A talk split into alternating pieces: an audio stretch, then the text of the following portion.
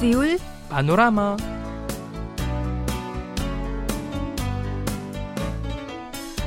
أيها الأصدقاء الأحباء السلام عليكم ورحمة الله وبركاته. أهلا وسهلا ومرحبا بكم معنا مستمعينا الكرام في حلقة جديدة من برنامجكم اليومي سيول بانوراما. كيف أحوالكم اليوم؟ نتمنى أن تكونوا بكل خير أينما كنتم. نعم. افتتح أمس مهرجان سيول للأضواء في ميدان غوانغهوامون وسط العاصمة سيول. تنظم بلدية سيول هذا المهرجان في جميع أرجاء الميدان وثلاث مباني قريبة منه فيما بين الساعة السادسة والعاشرة مساء كل يوم حتى الواحد والثلاثين من هذا الشهر. يذكر أن بلدية سيول تستهدف بهذا المهرجان تحويل الميدان الذي يمثل سيول إلى معلم خاص لوسائط لفن الوسائط وفي تمام كل ساعة يقام العرض الرئيسي تحت شعار سماء سيجونغ ترتدي ضوءا جديدا حيث يتم تنظيم عرض الأضواء الساحرة باستعمال أشعة الضوء من 22 عمودا إنارة تم تركيبها في الميدان. كما يتم في نفس الوقت تنظيم عروض الوسائط الفنية على الجدار الخارجي لمركز هيجونغ الثقافي وواجهة الوسائط لمبنى كيتي وواجهة الوسائط لمتحف التاريخ. وسوف يتم تنظيم عدد من الفعاليات الخاصة لفن الوسائط والتي توفر متعة المشاهدة للجمهور وكذلك متعة المشاركة والتجربة. ومنها فعالية تمتي تمتي سيول التي توفر نوعا مختلفا من المتعة للمواطنين من خلال ربط الحركات المنعكسة على كشك مركب في وسط الميدان بشخصيات عملاقة على الجدار الخارجي لمبنى كي تي. أيضا تقيم بلدية سيول بالتعاون مع منظمة السياحة الكورية مهرجان فوانيس سيول الذي كان يقام كل عام في منطقة جدول تشونغي في ميدان كونغهامون لأول مرة. وقال تشي إنجو مدير قسم تصميم في البلدية إن الميدان عبارة عن مكان جذاب من حيث المساحة الحضرية وسوف تعمل بلدية باستمرار على تحويله إلى ساحة ثقافية فنية فيها مختلف الأشياء الجديرة بالمشاهدة والمتعة. أيها الأحبة قبل أن نتعرف على المزيد من الأخبار الكورية الجديدة والخفيفة هيا نستمع إلى هذه الأغنية الكورية بعنوان كاندي 와이아비서 틸베르까츠 NCT 드림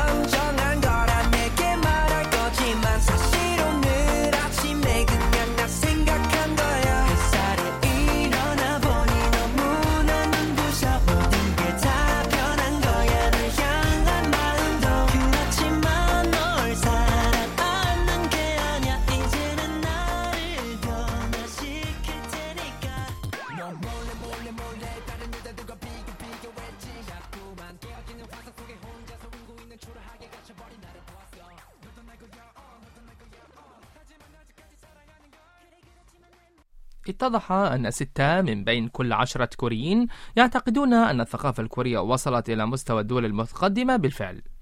جاء ذلك في نتيجة مسح أعلنته وزارة الثقافة والرياضة والسياحة مؤخرا حول وعي الكوريين وقيامهم لعام 2022 بعد أن أجرته على 5100 من الكوريين الذين تتراوح أعمارهم بين 19 عاما و 79 عاما.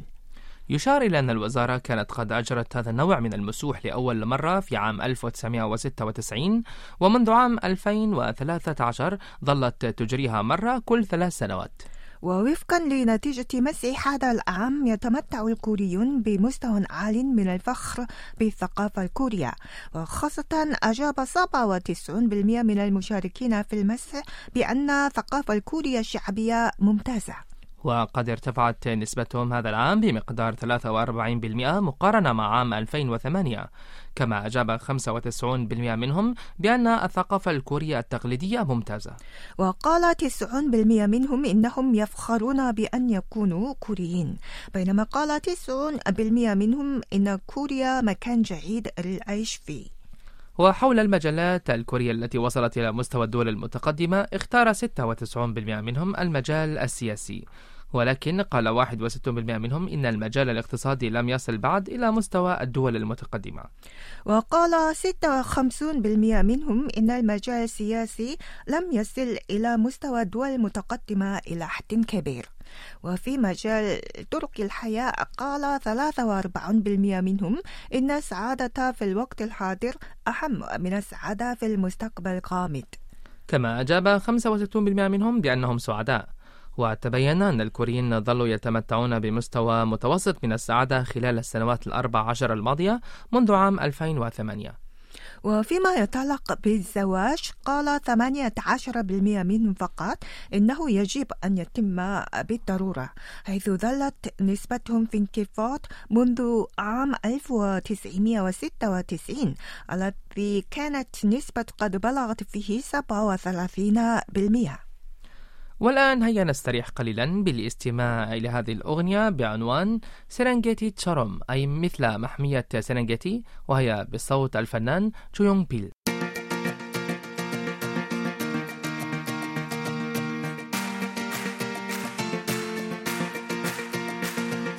거침없이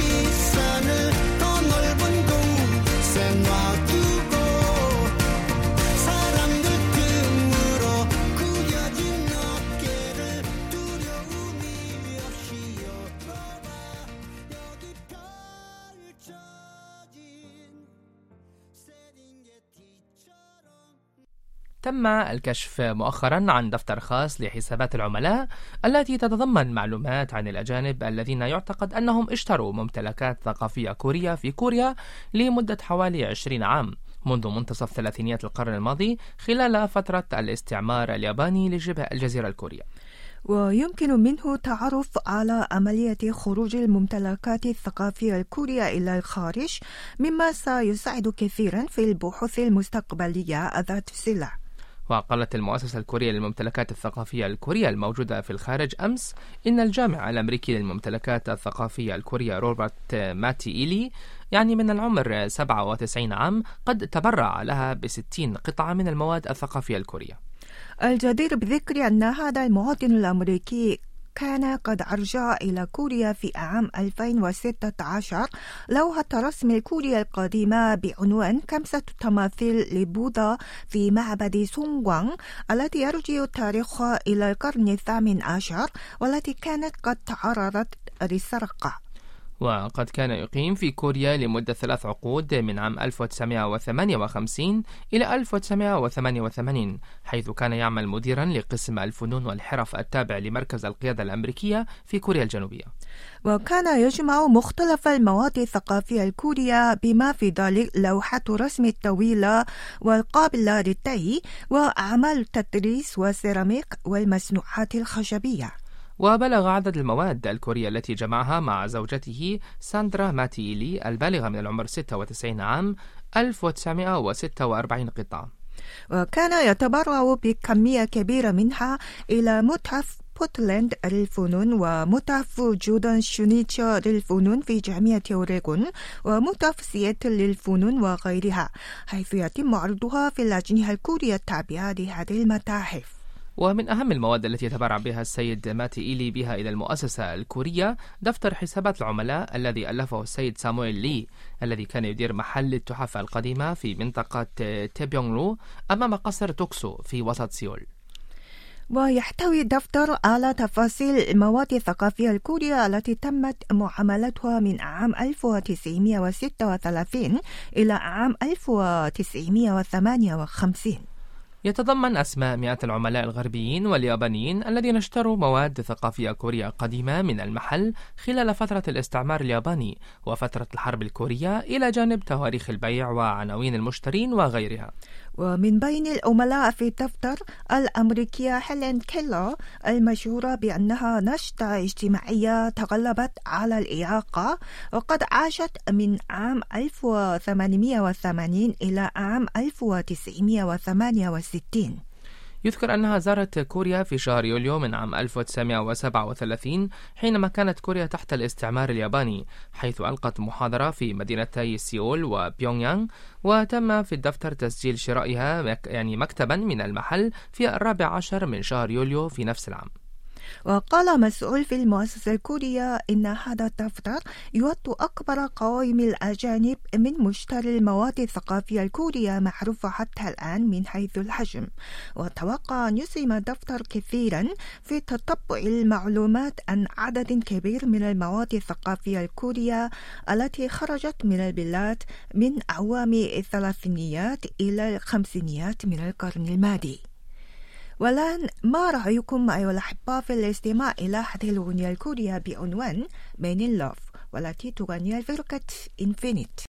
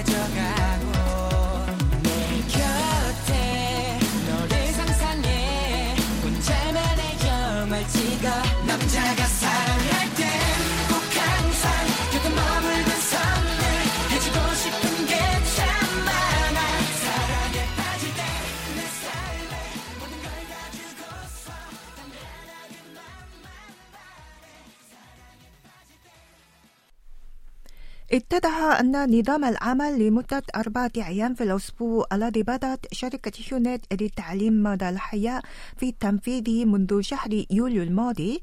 قد ساعد كثيرا على زيادة مستوى سعادة الموظفين فيها. صحيح يعني كانت الشركة قد طورت مسحا خاصا في عام 2016 لقياس مستوى سعادة الموظفين. يضم 100 سؤال من أجل التعرف على مؤشر سعادتهم. ووفقا للشركة بلغ مؤشر سعادتهم هذا العام 67% بزيادة نسبتها 6% مقارنة مع العام الماضي. خاصة حول السؤال مفاد هل شركتنا شركة جيدة للعمل زاد بمقدار 17 نقطة بالمقارنة مع العام الماضي ليبلغ 77 نقطة.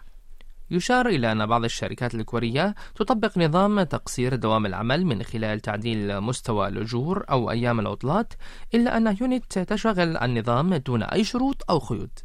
وظهرت أكبر التغيرات الناتجة عن تطبيق النظام في مجال التوظيف حيث زادت نسبة المتقدمين بالطلبات العمل في الشركة بمقدار 14 ضعفا مقارنة مع العام السابق.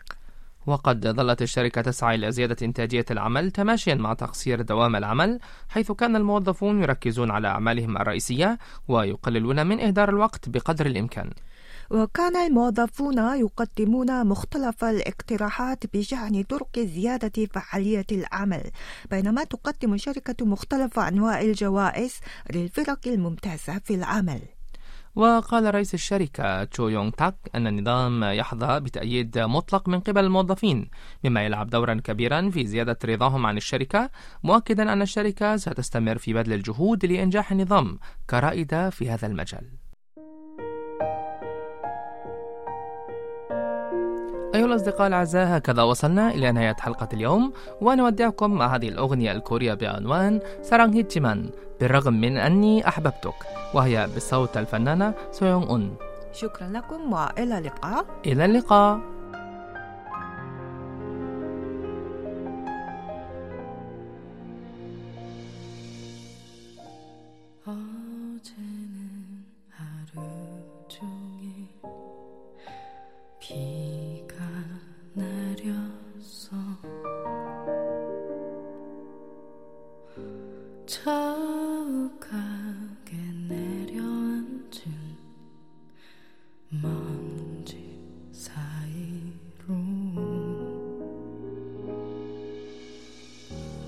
You.